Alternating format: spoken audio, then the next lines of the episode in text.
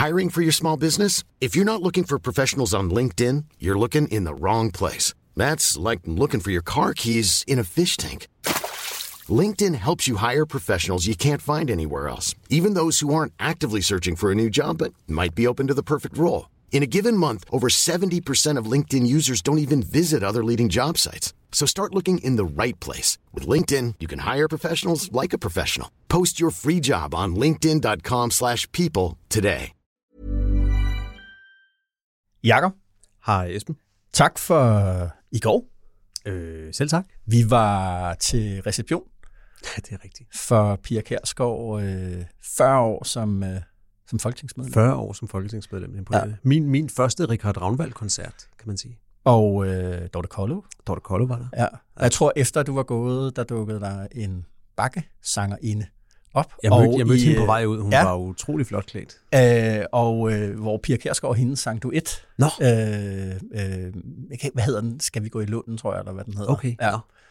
Øh, ja, det var jo... Øh, jeg stod derinde, Jacob, og tænkte, det her det er et, øh, det er et voksmuseum, eller et vokskabinet. Fordi jeg tænkte, det, det man altid tænker på, når man er på voksmuseum, det er, har de ligesom alle med? Ja. Og alle var jo ikke med. Altså, øh, alle de gamle fra øh, de gyldne tider i nålerne, de blev jo spillet, fortiden passerede revy, sådan en billedfrise, der var. billede, ja. Ja. ja. Fogh var der ikke, Claus Hjort var der ikke, Thor Pedersen var der ikke, Brian Mikkelsen var der ikke. Altså alle dem der, Tul, Christian Thulesen Dahl var der var der heller Nej, ikke. Øh, så det, det var på en eller anden måde, øh, så tænkte den der stemning af fortid og sidste mm. gang og sådan noget, for det var, det, det, Ja. den, var, den var ret klar, synes jeg, på en eller anden måde. Ja. Det eneste moment, synes jeg, der var, Jacob, det var jo, da Inger Støjberg og, hende, og Pia Kjærsgaard hilste på hinanden. Der mm-hmm. har jo været toksisk. For, hun, for hun var der dog. Hun var der. Øh, de gav hinanden hånden Ja, okay. øh, i indgang. Det var ikke, var, mange var på krammer, men det her, det var sådan et, øh, det var lige på kanten af det der akavede håndtryk. Så det, det var det, Det var, et det, var sjovt, det, jeg til. øh, det er et sjovt paradoks, ikke? Fordi at det, som øh, Folketingets formand Søren Gade også selvfølgelig havde med i sin øh, tale til Pia Kærsgaard, det var jo hendes ultimative moment of fame, der Ja. ja. hvor øh, Poul Nyrup i Ja. Folketingssalen siger, Ja. ja. stuerene, det bliver jeg aldrig, Mm. og som jo kom tilbage og ramte ham i nakken, og ligesom er blevet hendes hendes egen fortælling, det, det, det er Pia Kærsgaards øh, dannelseshistorie. Ja. Ja. Det, det, det er historien om, at hun gjorde det, der før var øh, ikke stueren højrefløj, til stueren politisk øh, kraft. Ja. Og, derfor, og, og, og det har jo betydet meget for hende personligt også, mm-hmm. det her med at blive anerkendt, og Ja. det her med at blive, altså det, at hun var Folketingets formand, var jo også en enorm anerkendelse, forståeligt nok, Jo. øh, for Pia Kærsgaard. Ja. Og det, at de øverste magtcirkler fra hendes Ja. 20 år i, øh, i, øh, i Top- dansk top-politik. politik, i top, top politik, ja, at de så ikke møder op her. Ja. Det er jo på en måde en negation af, Ja, ja, ja. hele, af hele Sturen-historien. Ja, ja, ja. Det, øh, ja, ja, og at det er blevet irrelevant. Ja, altså, måske. det var Ja, parkeret endnu i historien. måske, ja. Ikke? Ja. Nå, Men, men uanset hvad, så synes jeg jo, så må man, altså, øh, så må man jo tage hatten af for en parlamentariker, der har siddet så længe. Vi er en, vi lever i en tid, Jo. hvor, øh, hvor du ved, altså et job som øh, tredje underdirektør for, øh, eller hvad hedder sådan noget, assistant to the regional manager over i Bryggeriforeningen, det er Ja. ja. nok til, at folk forlader Folketinget. Ja, Ikke? jo. Her der er en, der er blevet siddende og har udført sit job som parlamentariker gennem mange år. Der er noget med, at hvis Pia Kærsgaard sidder hele den her folketingsperiode ud, Ja. så rykker hun vist op som nummer 5 på listen over længst siddende folketingsmedlemmer nogensinde. Ja. Og der er simpelthen nærmest ingen andre kvinder i top 20, 30 eller 40, Ja, ja, tror jeg. ja. Ja. Det, er, det er ret imponerende. Selvfølgelig er det det. Selvfølgelig er det det. Nå, Jacob, jeg havde egentlig tænkt mig at, at lægge ud med en, øh, med en vittighed. Okay, det, ja. det er nyt. Altså, øh, vid- vittigheder, det er jo en slags vandrehistorie. Øh, I den forstand, de har ikke nogen ophavsmand, det er bare noget, alle fortæller videre. Mm-hmm. Det her, det er også øh, en, jeg bare har hørt fra en, der har hørt det fra en. Okay. Øh, den lyder sådan her. Øh, hvad er forskellen på søndag og mandag over i Finansministeriet? Ja, jeg ved det ikke. Øh, det er om søndag, der må du gerne have cowboybukser på. Okay. Ja.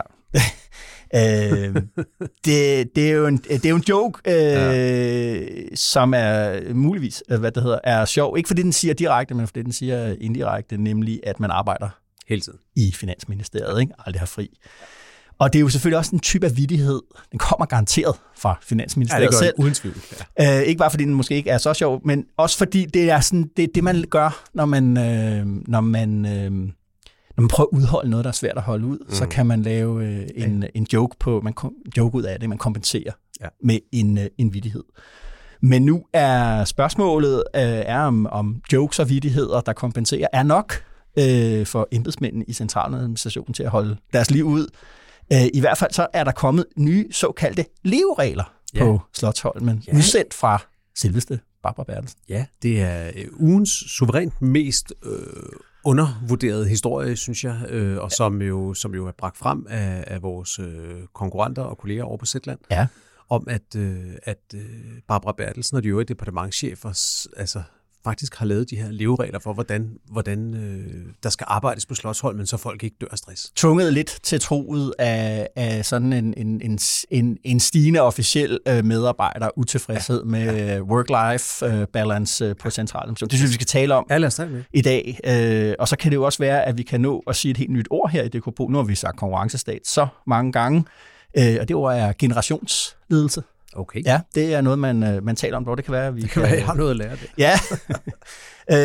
øhm, så skal vi også tale lidt om, Jacob, hvordan det går i regeringen, fordi i den her uge, øh, apropos det her med, at søndag og mandag ligesom er, øh, ikke er så stor, en- der ikke er så stor en forskel på det, der åbnede, øh, i søndags, der åbnede øh, Lars Løkke Rasmussen i et interview med politikken om, hvor han gav udtryk for, at han var utilf- Mm. utilfreds, utålmodig med både med tempoet i regeringen og med, hvad der, hvad der egentlig blev hvad der egentlig bliver lavet ja. øh, derovre. Og så var der en, en, en artikel, vi læste, nærlæste meget øh, fra gode kolleger over på, øh, på børsen, øh, en, en baggrundshistorie, som også fortalte om, at Lykke er utålmodig og utilfreds, og måske ja. Endda skulle have sat hele øh, sin regeringsdeltagelse på spil i, i, øh, i, i nogle diskussioner over i før omtalte øh, finansministerium. Så lad os tale ligesom om det, og lad os, lad os gøre Lykke og Moderaterne ligesom til vores øh, indgangsvinkel øh, til, den, øh, til den diskussion. Yes. Og så skal vi tale lidt om Alex Van Opslark. Når statsministerkandidaten. ja, snakken, øh, snakken går på gangene øh, Ja. i, på Christiansborg, og øh, nu også i, i, øh, i, i medierne, herunder DK Pol. Hvad handler det om? Hvad er det, der foregår øh, øh, med det? Ja. Er det ikke det, der er programmet, Jo, Jacob? og så hvis der er nogen, der tænker, hvor blev USA øh, af i alt det der, så kan jeg bare sige, at når vi kommer til planer for weekenden, Ja. og når vi kommer til anbefalingerne, Ja. så begynder Star Spangled Banner at spille i baggrunden. Fuglene begynder at synge. Velkommen til DK Pol.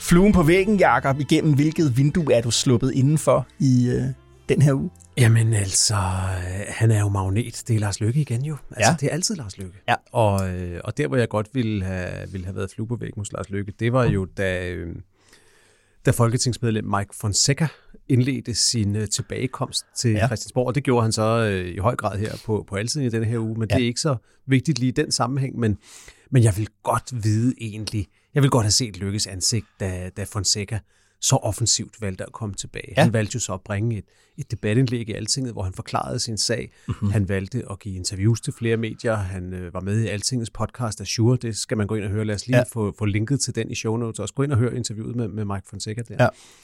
Og, øh, og så troppede han så op på Christiansborg torsdag, ikke? Og, og var, selvfølgelig, øh, var selvfølgelig den, som alting handlede om i nogle timer i hvert fald. ja, ja, ja. Hvad, hvad tænkte Lars Lykke der? Hvad sagde han? det gad man godt. Og, øh, det kan også fordi, at Mike Fonseca ligesom siger, jeg, jeg, jeg er løsgænger nu. Øh, ja. Jeg er ikke på vej ud. I får ikke mandatet. Jeg er en faktor. Ja. Og, øh, og han har tænkt, han har ligesom fundet en måde at tale om, om det, han jo måtte forlade politibrugeren, nemlig sit øh, forhold til den her 15-årige øh, pige. Ja. Og jeg, jeg må indrømme, jeg, blev jeg, jeg, jeg vil slet ikke forholde mig til, om det er, om det er rigtigt eller forkert. Det, det, det er ikke min øh, rolle at, øh, at have en mening om det. Mm. Men jeg blev alligevel nysgerrig på, øh, fordi Mark Fonseca skrev i det der indlæg hos os, at han havde egentlig forstået Moderaternes adfærdskodex sådan, at det handlede om det, der foregik i partiet, Ja. når man er til partimøder, hvis man er øh, i organisationen på Ja, en eller anden ja, måde, ikke? og den magtrelation, der kan være mellem voksne og unge politikere og sådan noget. Ja. Og så satte jeg mig ned og læste det adfærdskodex, og man må bare sige, når man læser det, ja. så, så fremstår det meget tydeligt, som om, at det her det er noget, der netop handler om partiet, ja. ikke om noget, der omfatter du ved, politikernes privatliv. Hvad ja. må de egentlig privat? Ja. Men det er det jo blevet. Det er jo med, med baggrund i det kodex, at han er blevet ekskluderet af, af partiet. Ja. Og, øhm, og, og det synes jeg bare peger tilbage på en ting, som vi jo også talte om dengang, der var ballade med Jon Steffensen i det mm. parti. Ja og hvor Lars Løkke havde den der helt fantastiske YouTube-video, eller Facebook-video, tror jeg det var, ja. hvor han sagde, at hvis det var første gang, Jon Steffensen havde gjort det her, så var det klart. Så havde han fået med hammeren. Ja. Men nu var det jo ikke første gang, så man var nødt til at se lidt mere nuanceret på det. Ja. det helt. Ja. Og det er jo sådan moderaternes specialitet, ikke også? Jo. At argumenterne altid tilpasses til, ja. hvad, der passer, hvad, der, hvad der passer lige nu. Og lige nu passer det selvfølgelig at smide Mike Fonseca ud, for der er i 2024 ingen partier, der kan holde til Nej. at omfavne Nej. en politiker, der er 28, tror jeg, og kaste med 15 år. Nej, det kan man ikke. Det går ikke. Mm. Nå, hvor vil du godt have været henne? Jamen, øh, jeg ville jo gerne have været til, til gruppemøde i det konservative folkeparti i oh, ja. tirsdags, da Maj Mercado øh, springer bomben om, at øh, for folketingsgruppen, at hun træder tilbage som, øh, som gruppeformand. Ja. Øh, der er jo allerede kommet en ny her, mens vi er optaget. Mona Jul øh, er... Det er bekræftet. Er, ja, det er bekræftet, at hun, øh, hun, hun overtager. Men derfor vil jeg gerne have set øh, reaktionerne i folketingsgruppen øh, bredt, øh, og selvfølgelig særligt i, i, i Søren Papes øh, ansigt, når han sidder Men tror du, ikke, tror du ikke, at de fleste af dem, tror du ikke, det har været så længe undervejs, at de fleste godt vidste det, eller hvad? Nej, Pape vidste det inden, men så vidt jeg forstod det, så var det ikke øh, alle øh, i gruppen, der var, der, var klar over, mm-hmm. der var klar over det. Og hvad læser du ind i det? Jamen, det er egentlig, altså, der var mange spekulationer om, hvorvidt øh, der lå noget politisk i det fra Mercados side, altså om det, hun sagde. Hun sagde, hun gerne ville fokusere mere på det sådan øh, emnepolitiske arbejde, mm. hun har, det hun er ordfører for, det hun arbejder med, og at hun havde øh, en familie, øh, mæssige øh, hvad det hedder, årsager til, at, at hun har ja. brug for at være mere hjemme hos sine børn. Ja. Altså, vidt jeg hørte, er det, altså, er det er, er begge dele, og også det sidste øh, mm. øh, fuldstændig øh, korrekt. Mm. Øh, men under alle omstændigheder, så er det jo klart, at det sætter jo gang i de der spekulationer med, er der en udløbsdato på Pape, og nærmer den sig hurtigere end... Mm. end, øh, end og, og det kan man sige, uanset hvad der er rigtigt eller forkert i, i, i det, Maja Mercado giver som begrundelse for, hvorfor hun træder tilbage som gruppeformand, så bliver det lige pludselig lys på, at det her spørgsmål med, om Pape kan fortsætte, hvor længe han kan fortsætte, øh, det dukkede op igen. Og det vil jo gøre, hver gang der ligesom sker ja, ja. et eller andet ja. øh, i det konservative folkeparti, så dukker den her diskussion op. Og det gør det jo fordi, at Øh, fordi det ikke kan fortsætte. Ja, fordi det ikke kan fortsætte. fordi at, at øh, de konservative ligger under valgresultatet, ja, ja. som er dårligt i forvejen ja. i meningsmålingerne. Der sker en hel masse bevægelser, det kommer vi også ind på senere, ja. i Blå Blok, og konservative er ikke en del af det. Øh, er, er, er der, altså, er vi ved at være der? Leder man i virkeligheden efter et exit mm. til, til Søren, til Søren Pape Thorsen? Folk taler om, at et dårligt EP-valg, øh, så kan det gå, gå rigtig stærkt. Det nærmer sig jo kraftigt i horisonten. Ja, lige præcis. De står godt nok i den måling, vi lige har offentliggjort i denne her uge. Står de faktisk til at holde et mandat, øh, de konservative, men, øh, men det er en måling, der er lang vej hjem og meget Til EP-valget ja, der. til ja. Europaparlamentsvalget ja. i, i juni, men det er klart, det bliver en, en vigtig hurdle for partiet at komme over. Og hvad så? Skal, skal vi tænke nu, at med Mona Jul som gruppeformand, så, øh, så er det også hende, der, der er favorit til at, at blive den, hvis Søren Pape vælger at, at jeg, jeg synes, det vi hører på kilderne, det er, det er ikke givet. Det er ikke, man kan ikke bare slå en, slå en streg under det og sige, at så bliver det også mm. øh, øh, Mona Jul, der, der tager den. Det, der er ved det, det er jo, at den her familiepolitiske orientering, som, som øh, de konservative slog sig op på efter landsrådet øh, sidste år, Øh, ja, det er Mona Jul med i, og Mette Abelgaard, som jo mm. er den anden ja. kandidat, der, ja. bliver, der, bliver, der bliver nævnt. Ja. Øh, det er dem, der afsender på det. Det er jo igen noget, kan Pape være afsender på det, når han har været afsender på noget helt andet? Det er måske ja. også lidt svært. Ja. Øh, så det er ikke, det, det, den konklusion tror jeg ikke, man kan drage øh, på nuværende tidspunkt.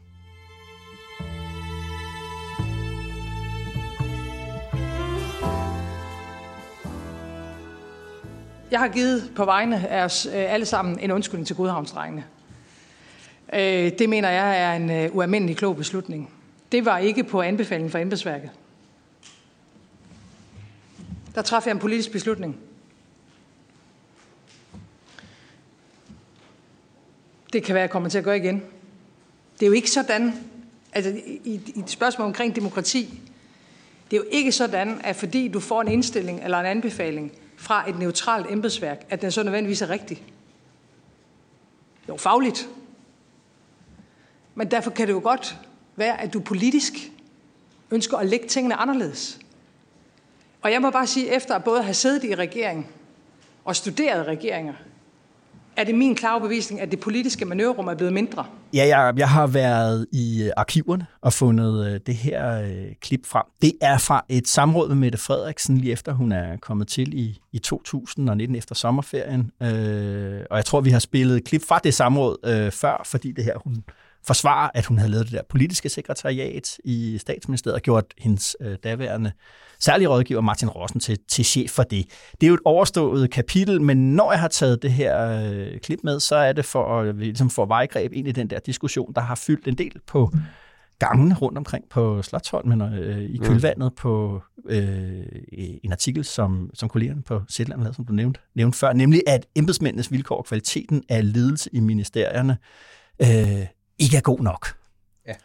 Og øh, det Mette Frederiksen jo som giver udtryk for her, det er jo, at, at i hvert fald, at man fra politisk hold, det er det, hun giver, øh, og det synes jeg, tror jeg, hun har ret i, at der har været en stemning blandt politikerne om, at noget af det, der gjorde dem svært for dem at regere øh, og være politikere, det var embedsfolkene. Mm. At sætte sig ud over øh, embedsfolkene, at, de ikke skulle, at det ikke er dem, der sådan fastlagde øh, øh, rammerne, om at, at, at der skulle skabes et, et pres indad mod embedssystemet for at, at sige, nu er, nu er tingene blevet, blevet anderledes. Mm. Øhm, og, og, og, og nu kommer vi så til, hvordan embedsfolkene har reageret. Ja, altså, jeg tror, hvis der stod nogle embedsfolk her i studiet, ville de måske opponere lidt imod, at deres, den bekymring, de har givet udtryk for over et stykke tid, at den ligesom er en reaktion på Mette Frederiksens ønske om mere politik og mindre, mm. mindre byråkrati. Jeg tror, fra deres side har det været en oplevelse, ophobet gennem lang tid, tror ja. jeg af, at, at arbejdskulturen på Slottholmen har ændret sig i retning af ekstrem hastighed. Ja. Båret af politiske krav, mm. som igen måske er båret af en ny medievirkelighed, som igen er båret af nogle sociale medier og alle mulige andre ting, ja. og som bare betyder, at, og det var jo det, der var titlen på, på Zetlands udmærkede artikelserie, der kørte gennem 2023, ja. alting haster. Ja. Altså det var titlen på serien, og det synes jeg var rigtig godt øh, framed, fordi det er jo det, det handler om, det er, alle, alle sager er hastesager, og det betyder, at der hele tiden er telefoner, der ringer, hele tiden er e-mails om aftenen, og i weekenden, som du siger, Finansministeriet, så kan det være, du må besvare din e-mail i cowboybukser, men den skal besvares, og det skal videre, videre, videre. Ja. Og det er jo den kultur, som nogle øh, tillidsfolk rundt omkring i ministerierne har sagt, det, det går ikke mere. Vi går ned med stress, vi øh, sidder og græder øh, hen over kontoret, eller hen over computeren, fordi vi ikke kan, kan nå det hele. Der har været sådan ja. ret voldsomme beretninger. Og lidt af den samme tone kunne man jo finde i Dybvad-rapporten, som mm. kom, var det sidste år, ja. øh, at, øh, at den kom, som jo, det skal man huske, jo faktisk var koproduceret eller hovedproduceret af fagforeningen Djøf. Mm. Øhm, det var jo ikke et statslig kommission eller udvalg, det var en fagforening, der ja. lavede en rapport, og så øh, med den tidligere departementchef fra statsministeriet, øh, Carsten Dybvad i spidsen, der ligesom opgjorde alle dårligdommene i byråkratiet, og det, der er også en stemning af undergang. Det hele er meget værre, end det plejer at være, og det går for hurtigt, og ingen ved, hvad hinanden gør, ingen læser papirerne, og der er ikke styr på legaliteten ja. og alt muligt, ikke også? Ja. Og det er så det, øh, som har ført til ja, den kulmination, der så er beskrevet i, øh, i, i Zetland i denne her uge. Nemlig, at øh, der var forskellige ministeriers øh, embedsfolk. Ja, der... til, til tillidsmændene fra samtlige ministerier, som ja. jeg forstår det, ja. har, har siddet sammen og sagt, nu, nu skriver vi et brev til departementcheferne om, ja. at nu må det være nok. Og ja. tror jeg, måske også forsøgt faktisk at holde Jeff en lille smule på afstand af Aha. det, fordi at der er kommet en stemning af, og en irritation helt sikkert hos, hos nogle af departementcheferne over, at de synes, at, at Jeff ligesom malker det her for meget, mm-hmm. eller at, øh, at Jeff skubber for meget på, ja. øh, og, og måske også overdriver det en lille smule. Og som Sætland fortæller historien, så får departementcheferne lige pludselig nys om, at det her brev er på vej, øh, gør sådan noget helt klassisk øh, inden for krisekommunikation, øh, nemlig kom ind foran, øh, ja. sætter sig på processen. Så inden det her brev overhovedet ligesom er kommet øh, nogle vegne, så indleder de øh, ligesom selv den her proces om, hvordan kan ja, vi... Der er nogle øh, forrygende beskrivelser af den artikel for os. Inden det kommer så vidt, så skal de her tillidsmænd for de forskellige ministerier jo blive enige om det klagebrev, eller hvad man skal sige, de, ja. de skal sende. Og, og, øh, og det kommer jo til at minde om et lovforslags vej igennem SVM-regeringen. Ikke? Også at det kører rundt mellem ministerierne. Nogen vil have, at indledningen skal være sådan positiv og optimistisk. Ja. Andre vil have, at indledningen skal slå problemet an fra starten. Ja. Og i Skatteministeriet siger det, at hvis det skal være den tone, så vil vi i hvert fald ikke være med. Og Altså, det er, det, Ja. det, det er komisk og en lille smule tragisk jo på, på samme tid. Ja, helt klart. Øh, Men så sker der så det til sidst, at, øh, at departementcheferne med Barbara Bertelsen i spidsen Ja. nu simpelthen har formuleret fem nye leveregler. lad, os, som, øh, øh, lad os lige få dem, øh, efter. Jacob. Vi det lever er- af det der. Øh, de lyder sådan her. Den første, vi har fokus på det væsentlige, prioriterer tid og ressourcer mod det centrale for vores opgaver. Vi spilder ikke hinandens tid med bedsermachen. Uh-huh. Vi tager ansvar for en kultur, hvor alle taler og skriver ordentligt og respektfuldt til og om hinanden. Nummer tre lyder, vi sætter retning fra start på sagernes indhold og proces. Vi afklarer uenigheder, før sagerne går i hårdknude, og tiden går fra det væsentlige. Nummer 4. Vi sikrer rettidige tilbagemeldinger om de tværgående processer til relevante medarbejdere. Mm. Vi sikrer afklaring, hvis der opleves divergerende meldinger. Ja. Hvem sagde mink sag? Ja. Og nummer 5. Vi går op med en kultur, hvor man disponerer over hinandens ressourcer uden for almindelig arbejdstid. Mm. Vi sikrer, at frister sættes, så andre kun forstyrres uden for arbejdstid ved ægte haster og efter aftale på chefniveau. Ja. Definér ægte haster. Ja, øh, ja, men det er jo øh, det. Er jo det. Noget andet er jo lidt det der vi.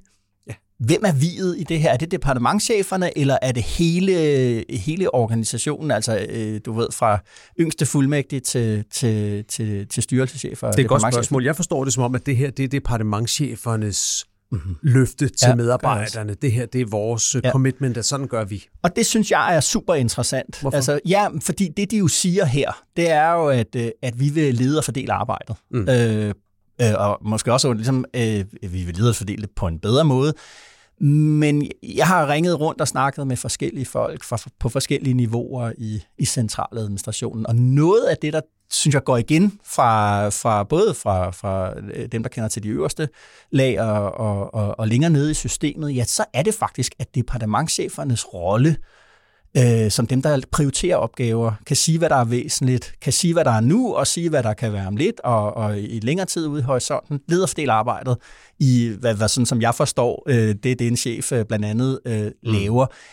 Ja, den har, den har der ligesom været kritik af, både nedefra at sige, at vi oplever, at, øh, at departementcheferne bare sender ting videre, øh, og ligesom med, med samme prioritering, øh, at det bare sådan skal være nu, alt sammen. Øh, og øh, omvendt har jeg også ligesom hørt den historie, at departementcheferne selv føler, at de, mm. altså topchefer i centraladministration, at de er blevet, som der var en, der sagde, et postkontor. Altså stik i randdrenge. Og her er vi tilbage ved det med det Frederiksen-klip, du spillede i starten, fordi der tror jeg, at mange embedsfolk, og måske også mange departementchefer, i hvert fald nogle departementchefers oplevelse, er jo, at det er blevet en meget mere politisk rolle, hvor man lige præcis gør det, som Mette Frederiksen også efterlyser. Det er det, jeg også hører. Alle vil levere. Altså ja. Alle har ønsket om at levere, og levere betyder her levere på det, politikerne øh, gerne vil. Man vil gerne smide alt, hvad man har i hænderne for mm. at gøre noget. Men så kan der være den op, der var en, der fortæller en oplevelse, jamen så får vi lige pludselig besked om netop sådan en haste, haste sag. Nu vil, nu vil man gerne have et notat mm. eller en sag. Øh, du ved, det melder man fredag, og den skal ligge der mandag, og øh, du ved, 50 mennesker gør alt, hvad de kan for at nå det. Når det, og så hører man først noget om det, du ved, to eller, eller tre uger senere, og så sidder man og føler, hastede det så? Og der, vil, ja. der har der været en efterspørgsel fra medarbejderne, departementcheferne, øh, som, der var en, der udtrykte, der ligesom skubbede den anden vej, og det skubbede den anden vej, var ligesom måske også få politikerne til ligesom at sige, jamen altså, jamen altså, er det her vigtigt nu, eller mm. er det vigtigt om en uge? Fordi øh, der er mange ting at, at, at, at gribe og gøre i her, ikke?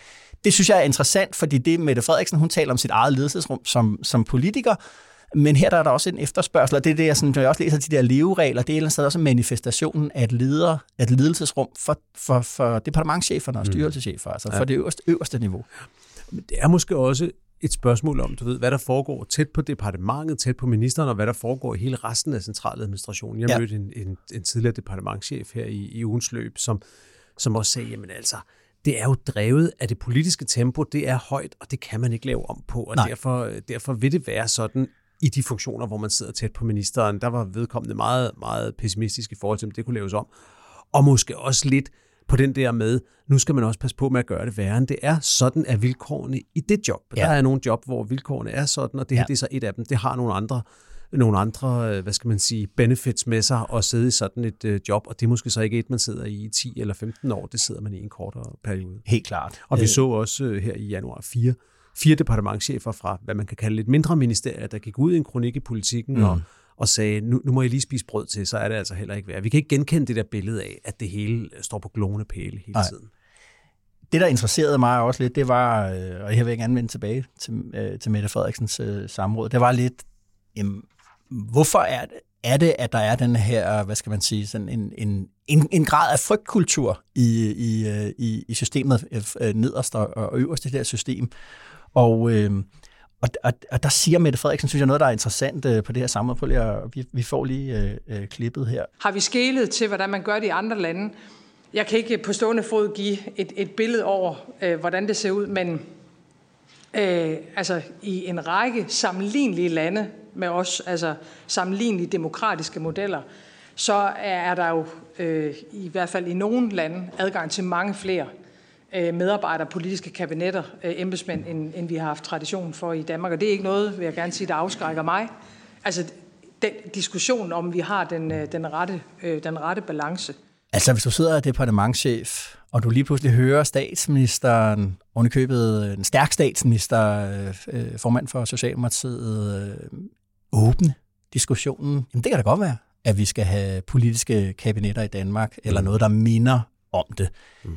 Der, der fornemmer jeg ligesom, at, øh, at, øh, at, at der er nogle alarmklokker, der går i gang med at, at ringe. De gange, vi har taget det op øh, her i, i, i DK Pol, der, altså jeg har haft mange gode samtaler ja. på ryggen af det, for jeg har jo også sagt, øh, egentlig sagt, at det skulle man måske overveje for at løse, øh, måske ikke så meget det der med stress og alt det der, men måske mere for den der afklaring med, hvornår er noget politik, og hvornår er noget jura, og, og hele den der diskussion om den balance er, som den, er, som den skal øh, være. Jeg mener også, at, at, øh, at folk fra dybet øh, udvalget, altså, så, ej, kabinetter, den tanke, den kan vi godt øh, øh, lukke ned for, som du siger. Det, det var måske mere fagforening end så meget andet. Det er i hvert fald en interesse, der er i det danske embedsværk om at fastholde den måde, tingene bliver, øh, er blevet gjort på, øh, også, også i, i fremtiden. Og det, jeg tænker, det er om noget af den der kultur, hastekulturen, øh, kommer af, at, at der er ekstra opmærksomhed på, for også i toppen af det danske embedsværk, på det der med at levere øh, mm. i forhold til det, til, til det politiske. At de, de kan allerede udfylde den rolle, et politisk kabinet. Øh, altså af særligt politisk udpeget embedsmænd, masse, nu bliver det kaldt spindertur, særlige rådgiver, øh, mm Øh, det kan vi allerede øh, levere, og, og om at Mette Frederiksen, det politiske niveau, deres utilfredshed, øh, hvad det hedder, det den, man prøver lidt at svare på, og noget af svaret er så, den er så det, der er blevet til. Det er jo ikke nogen, der har gjort noget med vilje her på den måde. Mm er blevet til en kultur, hvor det er blevet svært for departementcheferne ligesom at gå ind og tage den der rolle og kunne sige til en minister, jeg synes også, det der er vigtigt, men, øh, men det er ikke vigtigt lige nu. Øh, det kan vi godt lige, den kan vi godt lige have lidt længere i, i, i pipeline. Mm de går måske bare direkte til deres folk og siger, at nu skal vi have ja. noget på det.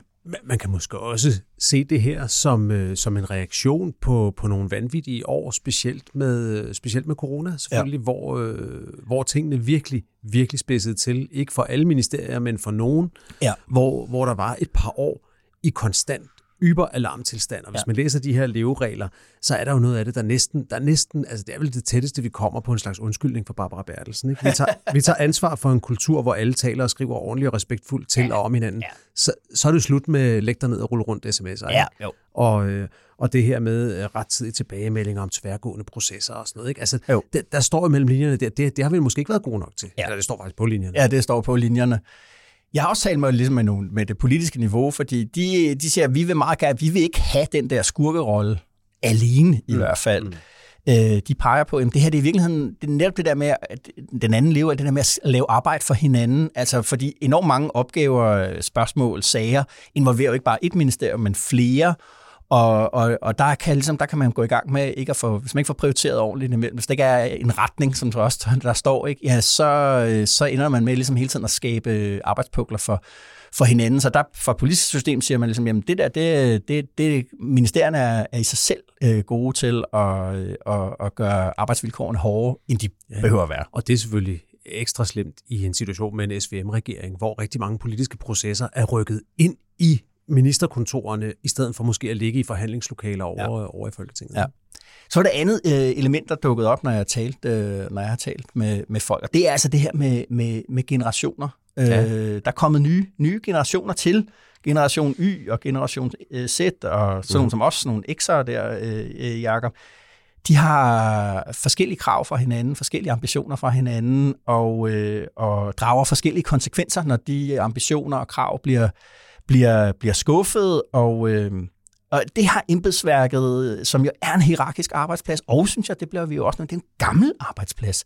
På mange måder er centraladministrationen den ældste virksomhed, ældste organisation, vi, øh, vi har her i, i, i Danmark. Der er kommet et utal af nye mm. virksomheder til rundt om og lukket ned og er og opstået igen.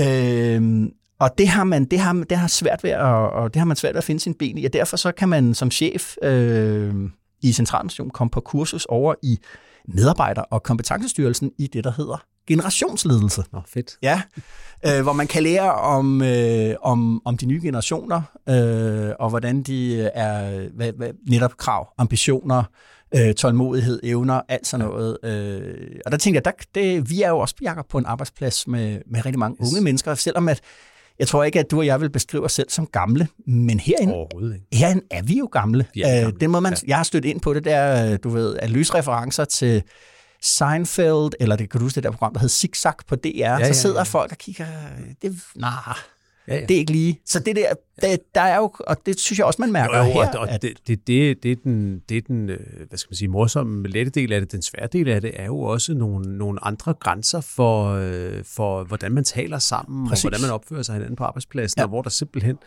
er øh, nogle værdier, hvor man lige skal mærke, hvor Ja. forskellige folk er henne. Der er, simpelthen, øh, der er simpelthen jokes, som var sjove for 10 år siden, som bare ikke er sjove i dag. Præcis. Og en anden, en anden, en anden, øh, hvad skal man sige, anden etik for hensynsfuldhed, der Mm. er, er, er, dukket op. Ja, og et, og et krav, synes jeg, det må, også, det må også være noget, man må spekulere over i, i ministerierne, hvor prestigefyldt det end er at være karriereembedsmand og komme helt op i top af departementet, så er der jo det der med, at der er simpelthen større fokus på det der med et forfærdeligt udtryk, hedder work-life balance, altså Ja. arbejdspladser, hvor at chefen sidder og sender e-mails kl. 8-9 om aftenen og forventer svar samme aften. De var bare svære ved at tiltrække Generation Z øh, ja. store talenter. Det gør de. Ja.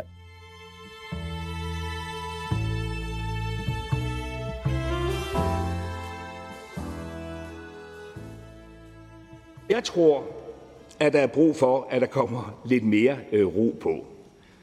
Og jeg ved, uden at være indiskret, at jeg jo ikke den eneste, der går rundt her i salen og tænker, hvor kunne det egentlig være rart, hvis man på en eller anden måde kunne etablere et politisk samarbejde, der gjorde, at det var muligt, at vi kom dybere ned i det.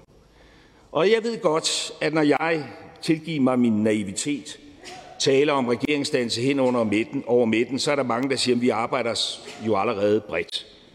Og jeg kan historisk også selv huske procenterne på, hvor mange lovforslag, der blev vedtaget af brede øh, flertal. Men det hjælper jo ikke, der arbejdes bredt, hvis der arbejdes om ingenting. Det er det lys, jeg her holder min første tale som øh, moderat. Og jeg håber, når vi mødes til den næste afslutningsdebat, at der kan man med fuld styrke tale om moderaterne.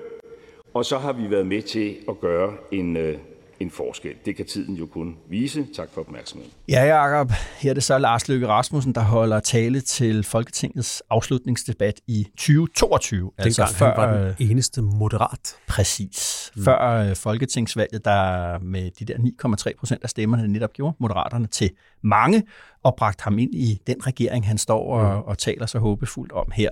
Ja.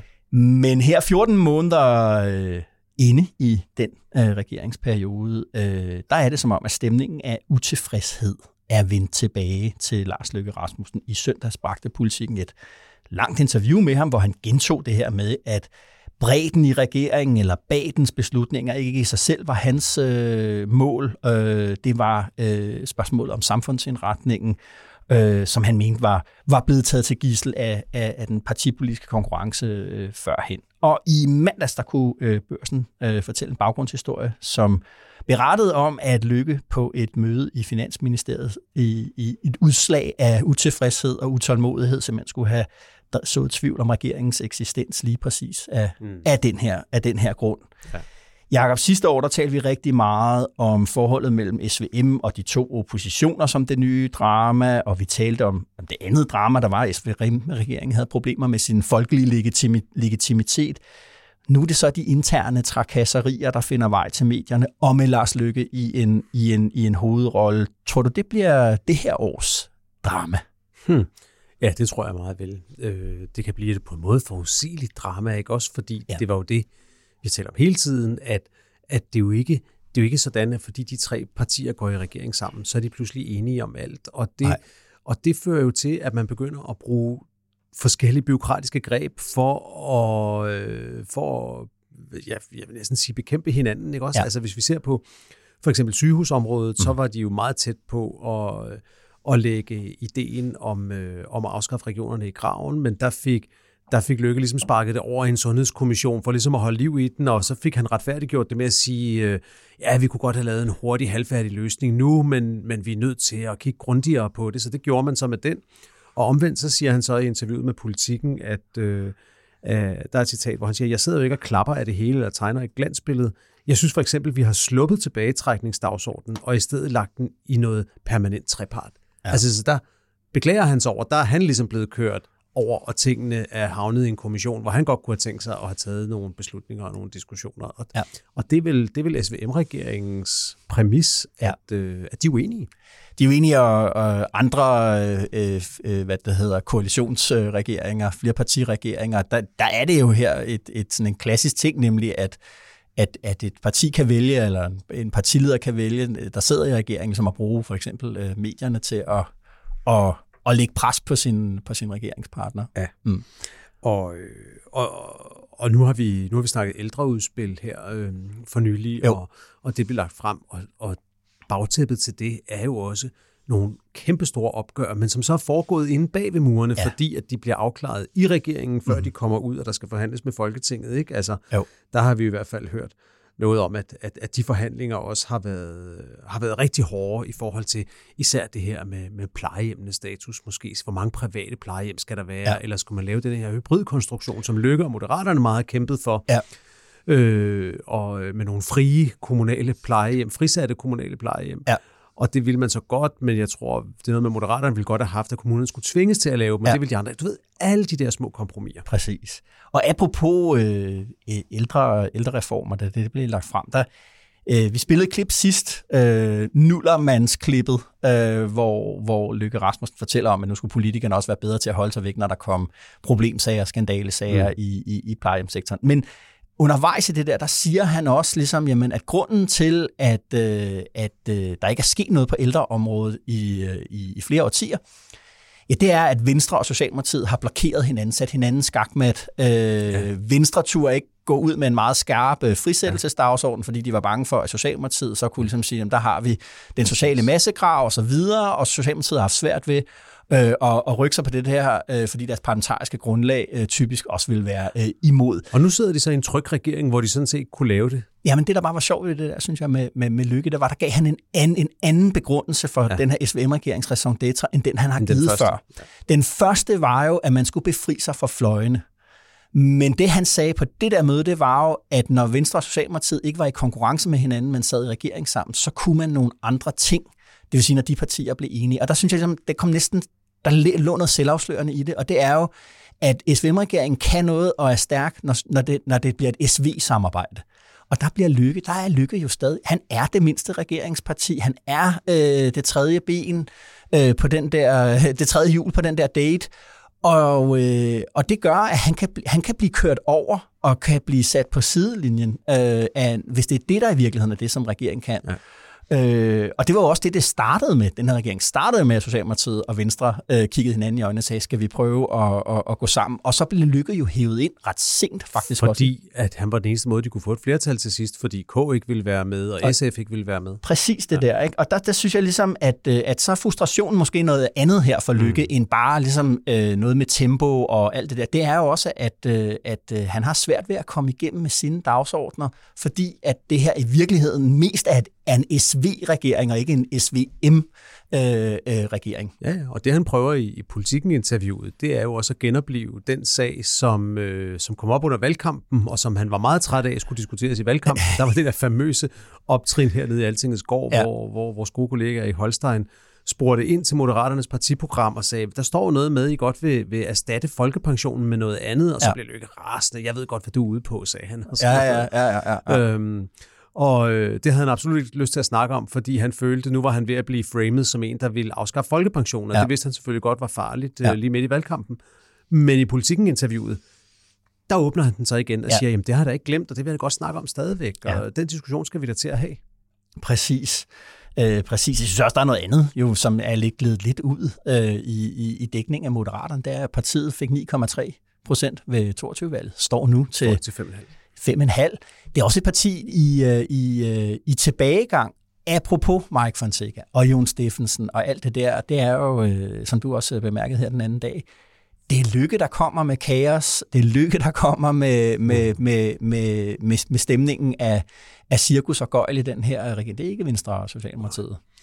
Det er rigtigt. Holstein skrev jo i, i sin analyse af Fonseca-sagen, at bundlinjen simpelthen er, at Moderaternes kandidatudvælgelse var alt for sloppy, ja. det udtryk, Erik Holstein bruger op til valget i, i 22. Ja. Og, og det betaler de nok noget af prisen for nu, og, og, og samtidig render Lykke sig rundt i, i Ukraine, og det ene øjeblik taler han med borgmesteren i Mykolaiv, for det andet øjeblik siger han til politikens journalist, at han vil ønske, at vi kunne snakke mere tilbagetrækningsalder. Altså han har ja. så mange ambitioner, men måske ikke rigtig nogen tjekket køreplan for at nå derhen.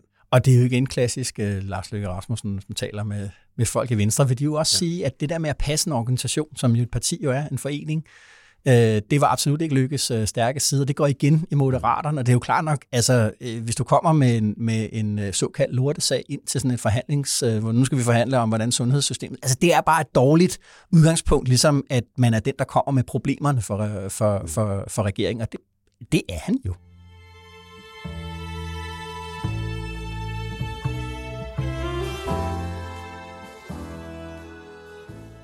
Hvad skal du lave efter Christiansborg? Hvad med direktør for Cepos? Nej, det tror jeg sgu ikke, jeg gider. Boligspekulant? Ja, det var egentlig en god idé. Hvor skal vi forbedre dig til næste gang, vi holder den her samtale? Øh, altså, det kunne være rigtig godt, hvis vi kunne få ja, faktisk dem alle sammen væk. Og så, så skal jeg jo tage en af deres job. Og jeg tror sgu ikke, at enhedslisten vil have mig. Så det kan godt være, at vi skulle ind med at tage hendes job. Jeg ved det ikke. Ja, tage hendes job, siger Alex Vandopslag her. Det er Mette Frederiksen, han, han hentyder til hendes øh, værv som statsminister. Øh, det er spøgefuldt og ironisk her, øh, satirisk. Men op på Christiansborg, især i den her uge, Jakob, der er den der snak ved at tage til, om Alex Vandopslag er statsministerkandidat. Øh, den ene grund til det er selvfølgelig, at øh, Liberal Alliance sætter rekorder i, i meningsmålingerne, også den vi, vi lavede øh, sammen med, med Opinion. Øh, man er omkring de der 15 procent. Det gør, øh, hvad det hedder, LA til det største parti i Blå Blok, og den næststørste parti i, i, i, i Folketinget. Og den anden grund til, at vi står og taler om det her, det er, fordi det er en snak, der også fylder meget over i LA selv. Mm-hmm. Øhm, dit take på den her, øh, på den her opståede debat, Jacob? Jamen, da vi snakkede om det i ugen, så blev jeg jo sådan lidt, øh, næsten lidt hovski-snovski, vil jeg sige, sige, jo jo, Alex Vandopslag, han har siddet halvanden periode i Folketinget, han har aldrig haft en ministerpost, eller sådan set været chef for noget rigtigt. Ja. Kan man så, altså, blive statsminister? Kan man overhovedet være statsministerkandidat? Ja så ved jeg ikke, så sagde du, hvad med Helle Thorning? Jo, sagde jeg så, men hun har dog, hun havde dog siden en periode i Europaparlamentet, hvilket dog er en slags øh, ja. uddannelse. Og man må så også sige, to store forskelle, eller en stor forskel er, hun kom jo så ind som leder af et statsministerparti. Et parti, ja. der i 100 år har øvet sig på at have statsministerposten. Ja. Hvis man skulle forestille sig Alex Vanopslag, han kommer jo ind som leder af et parti, der øh, ja, har haft en enkelt øh, virkelig mislykket øh, tur i regeringskontorerne, ja. igen uden Alex Vanopslag som, som minister, ja. og et parti, som i denne her uge mest gjort sig bemærket ved, at et af, et af folketingsmedlemmerne på Twitter kaldte FN for en idiotorganisation. Ja. Altså, det er ligesom om, er der, den, er, der, er der modenhed nok til at være statsministerparti? Og det har jeg nok min tvivl om, men jeg vil også sige, man skal, man skal også passe på med at tro, øh, at politik altid bliver ved med at være det samme, at statsministerkandidater altid er nogen, du ved, der har tilbragt 15 år i Folketinget eller vokset op i ungdomsorganisationerne. Øh, det kan være, at øh, danskerne efter øh, nogle år med Mette Frederiksen og Lars Løkke ja. nu ønsker sig en helt anden type statsminister. Ja, bestemt. Og det er jo et, et element øh, over, i, i, øh, over i blå blok, eller hvad man siger, mm. den blå opposition, det er jo, at der er ved, at, man, at, at mange af de bevægelser, der foregår, alt det der med også at prøve at lukke de radikale øh, åbne en, en, en, sætte en stol frem ved bordet øh, til dem, som de kan sætte sig i, hvis de øh, havde mod og lyst til, til, til det. Det handler om, at man er ved at opbygge det der narrativ om et alternativ ja. til Mette Frederiksen. Et, en, en alt andet end Mette Frederiksen-kandidat. Og det er jo selvfølgelig også det, som, som man fra, fra... Det er en situation, man prøver... Og det kan ikke nytte noget, at de går ind i den valgkamp med alt andet end Mette Frederiksen, og så ikke har nogen, det kan være. Nej, Øh, og der kan man sige, der prøver jeg tror også, at LA, øh, de, når man taler højt om det i LA, og taler højt om det også til, til sådan nogen som mig, øh, journalister, øh, det har jo også, det er den vej, det jo også finder vej til, til, til mm. spalterne, så foregår der et vist spil her. Øh, et, det handler om, øh, LA vil rigtig gerne have, at de andre partier i Blå Blok siger, jamen vi på forhånd, uden at Alex Vanopslagh selv har sagt, jeg er kandidat, siger, vi kunne godt tænke os, at Vanopslagh var kandidat. Øh, og, og så kunne han ligesom tage den. Det har både noget øh, at betyde i forhold til, hvordan man skal forhandle, ligesom, hvad skal den regering så skulle. Hvis alle har peget på Vanopslagh, så har de også peget på, at det er LA, der sætter takstokken og dagsordenen for, hvad det er for en politik, der skal udføres. Det er det ene element. Så tror jeg faktisk, der er et andet øh, element i det også, og det handler om, jamen, vi får nok brug for Lars Løkke Rasmussen øh, og hans mandater. Øh, ja. Det peger alle meningsmålinger mm. øh, på, at det har man mindst behov for. Det er meget svært at forestille sig et scenarie, hvor man ikke har behov for det. Okay, hvordan skal vi undgå, at det så betyder, at Lars Løkke Rasmussen per definition ligesom er statsminister? Altså, at det er den ja. måde, man skal lokke ham over på. Men.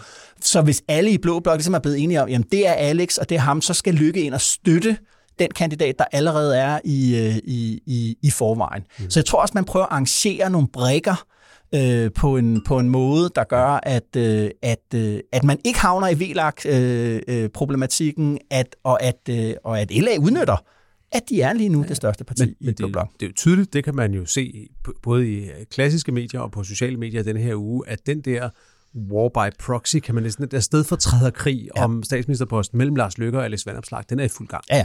Og Lars Lykke er meget hårdt ude efter, øh, altså mens han også lige var i Ukraine og gav store interviews og ordnede det, ja. så havde han altså tid til ja. at sidde på Twitter og, og, og køre efter Ole Birk Olsen og Alex Vandopslag for nogle ting, de havde ja. sagt om en fond, de gerne vil afskaffe, som Lykke ikke synes, man skal afskaffe, og være efter dem også for det der med FN-tweetet ja, og sådan noget ja, ja, ja. Han, han er i gang med at lave det, som de også gjorde med, med Helle Thorning i starten, hvor de nede i Folketingssalen kaldte hende Hindbærhale, lige efter hun var blevet formand, simpelthen. Altså, Hvorfor gjorde de egentlig det? Hvad lå jamen, der i det der Hindbær? Jamen, det var jo, at, øh, at hun havde hun havde været ude i en sag, hvor der var nogle borgere, der var blevet forgiftet af nogle polske hindbær, der ikke var ordentligt renset. Ja.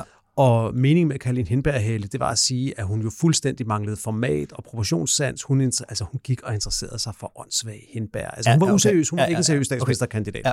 Og det er jo det samme, ja. prøver at gøre med Alex Vandopslag ja. nu. Han skal, det er ungdomspolitik. Det er ungdomspolitik, ikke ja. også? Han skal gøres til en, til en TikTok-fænomen. Det er meget hyggeligt, men når de voksne ja. kommer ind, og vi skal finde statsminister, så er vi nok nødt til at kigge på hinanden. Ja. Og hvem er der så egentlig tilbage? Ja, ja, helt bestemt. Og der hører det jo med, at, øh, at moderaterne udveksler, altså grunden til, at de, når de er faldet, hvem har de så afleveret stemmerne til, rigtig, rigtig mange af dem er havnet over hos, øh, over hos øh, fanopslag. Hmm. Øh, så der er også en kamp om vælger øh, her i det. Og, øh, og så synes jeg, når man er rundt på Christiansborg, altså en del af strategien, også hos Venstre, det er jo at vente på, at, øh, at, øh, at, at fandomslag ligesom falder sammen. Det kollapser. At det kollapser. Og det tror jeg så mindre på, vil jeg, vil jeg, vil jeg ligesom sige. Ikke? Altså, de, de henviser jo både til, til at, at, at LA er steget og faldet øh, meget før, og så vil de også gerne fremdrage det, der skete for Søren Pape under valgkampen. Kan man virkelig øh, have den form for øh, hvad det hedder, valgkamp, hvor man går til, du ved, til valg på afskaffelse af topskatten, og alt sådan noget der, øh, uden, at, uden at blive kørt midt over af, af, af Socialdemokratiet. Men mit indtryk i LA er jo, at, at, øh, at de, de har jo også kigget på Søren Pape, og ligesom ja. sagt, hvad var det, der, der gik galt? Der, der forudså der, deres, øh, deres kollaps måske kunne indtræde bare ved det, at Pernille Vermund trådte ind i partiet, ja, ja. men det er jo overhovedet ikke sket. Det, er det har de håndteret øh, meget dygtigt. Men altså, det er, det er helt klart, det er, det, det er kampen om den blå statsministerkandidat mellem Lars Løkke og Alex Vanopslagh, og det bizarre er, at det muligvis er, er, er en kamp, som ikke vil være, altså som aldrig vil blive erklæret, og mm. at vi derfor, ingen af dem rigtig vil erklære sig som statsminister, når vi går ind i næste valgkamp, selvom at man nok må vide, at det er de to, der står imellem. Mm. Og hvis man er i tvivl med det med Lars Løkke, så kan man jo give sig op på Christiansborg, gå op ad den store trappe, op mod den gamle landstingssal. Mm. Der er jo det sted, hvor der hænger alle portrætterne af statsministerne. Ja øh, alle de tidligere statsministre, og ja. der er jo en, der mangler. Ja, det er ham. Og det er Lars Løkke. Og det er, jo... og det er jo fordi, at han ikke er færdig. Ja.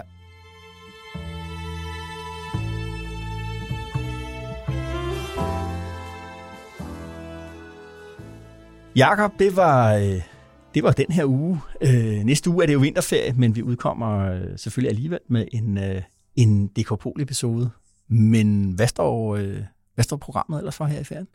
Jamen altså, min weekend, øh, den vil jeg egentlig godt lige øh, slå tonen an til med Ja, et lille, ja, med et ja. lille lydklip, hvis det er Ej, okay. yes. Det, det, det kommer her. This country can't be knocked out with one punch. We get right back up again, and when we do, the world's going to hear the roar of our engines. Yeah, it's halftime America, and our second half's about to begin.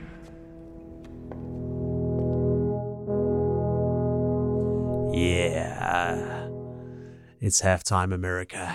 Ja. Det er Super Bowl-tid, Esben. Ja, Natten mellem søndag og mandag er der Super Bowl. og Clint Eastwood øh, tid. Det var Clint Eastwood, det her. Det er fra min, øh, min all-time yndlings øh, Super Bowl-reklame. Det var en, øh, Clint Eastwood lavede i 2012, øhm, og, øh, og det var en reklame for, øh, for øh, Ram og Dodge, nogle af de der store bilmærker, der bliver lavet i Detroit. Ja. Bilindustrien havde været helt nede at ligge, Ja. og var på vej op igen. Mm. Det, var, det var Obamas nærmest vigtigste budskab i den valgkamp. Det Ja. var, at han havde slået Osama Bin Laden ihjel og reddet bilindustrien i Detroit. Det var Ja. hans to øh, valgkampstemaer. Øh. Ja. Og så lavede de her bilfirmaer den her Clint Eastwood-reklame, hvor han siger, it's halftime America. Ja. Og så det her med USA, når vi bliver, når vi bliver slået i gulvet, så rejser vi os op og kommer tilbage. Ja, wow. Det er så ærke amerikansk, men det Ja. er også meget fedt. Det skal jeg sidde og se øh, natten mellem spiller? øh, søndag og mandag. Men det gør jo øh, Kansas Chiefs, og som er det hold, der har været i finalen flest gange her de sidste fem år. Okay. Og så øh, 49ers, som kommer ud fra San Francisco. Og det er ikke fordi, jeg sidder og følger amerikansk fodbold så tæt, at jeg kan redegøre for detaljerne. Men det har jo et ekstra spicy element. Jeg tror også, vi har snakket om det i år. Ja. Som faktisk gør, at min 10-årige datter har erklæret, at hun også vil sidde op og se det. Og det er jo, at Kansas Chiefs har den her stjer- stjernespiller, der hedder Travis Kelsey. Ja. Og han er kæreste med Taylor Swift. Ja.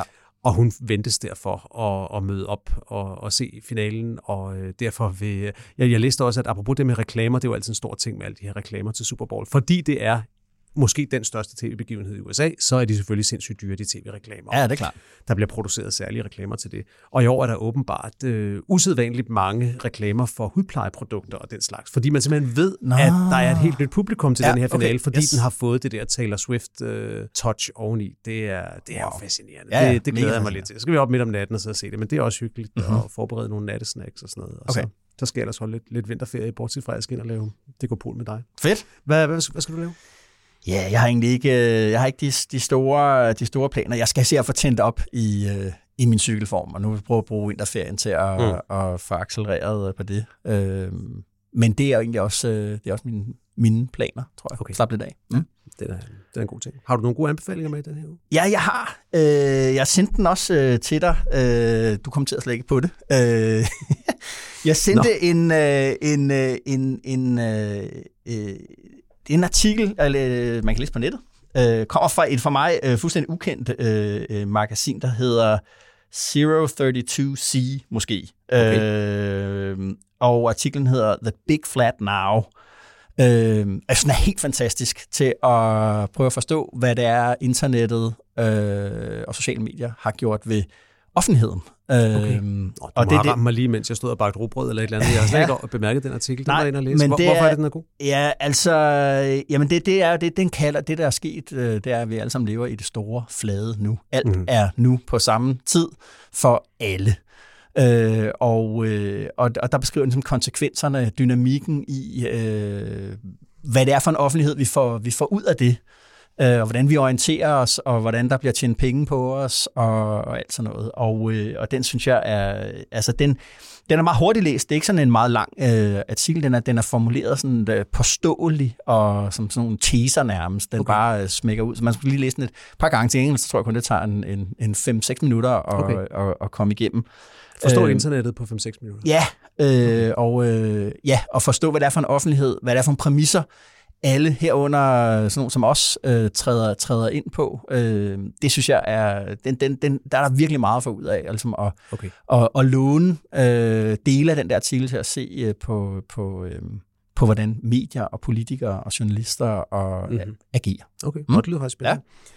Jeg, har, jeg har to anbefalinger med i den her det skal ikke hedde sig. Nej. Men det er fordi, den første er en lille smule snyd, fordi det første, jeg godt vil anbefale, det er det stykke, der går inde på det kongelige teater lige nu, der hedder Inden for murene. Ja. Det var jeg inde at se i denne her uge. Og hvis jeg skal være helt ærlig, uden kæmpe store forventninger, jeg synes, det lød en lille smule støvet. Det er jo et stykke fra 1912, og som Jo. de sætter op hele tiden derinde. Og Jo. du ved, altså kørte i tv-teatret, da jeg var ung. Og så jeg synes, det lød lidt støvet, det må Ja. jeg indrømme. Jo. Og det viste sig at være, måske, jeg tror, min største teateroplevelse i mange, mange år. Wow. Kæmpe oplevelse. Fantastisk stykke, som jo er skrevet i 12, og som øh, har et tema, blandt mange temaer, men blandt andet et tema om antisemitisme, og som virker helt absurd aktuelt i 2024, Ja. selvom at de faktisk ikke har, har, har ændret i, i, i replikkerne sådan Mhm. set. Mm-hmm. Det, det var også nogle helt vilde skuespilpræstationer af flere skuespillerne, ikke mindst Jens Albinus og Ja. Bodil Jørgensen i de to øh, hovedroller. Problemet, altså, når jeg siger, det er lidt snydeanbefaling, så er det fordi, det er fuldstændig totalt udsolgt, det stykke der. Så man Ja. kan ikke rigtig øh, handle på den anbefaling. Jeg tror nok, at stykket skal på turné ude Ja. i landet senere på året, så alle DKP-lyttere uden for København, eller dem fra København, der har mod på at tage ud til nogle teatre i provinsen, Ja. der vil jeg bare sige, afsted med jer, Okay. fordi det er virkelig værd at se. Mhm. Men vi skal også have en, en rigtig anbefaling, Ja, og den, jo, jo. øh, den er også lidt lyd på, den kommer her.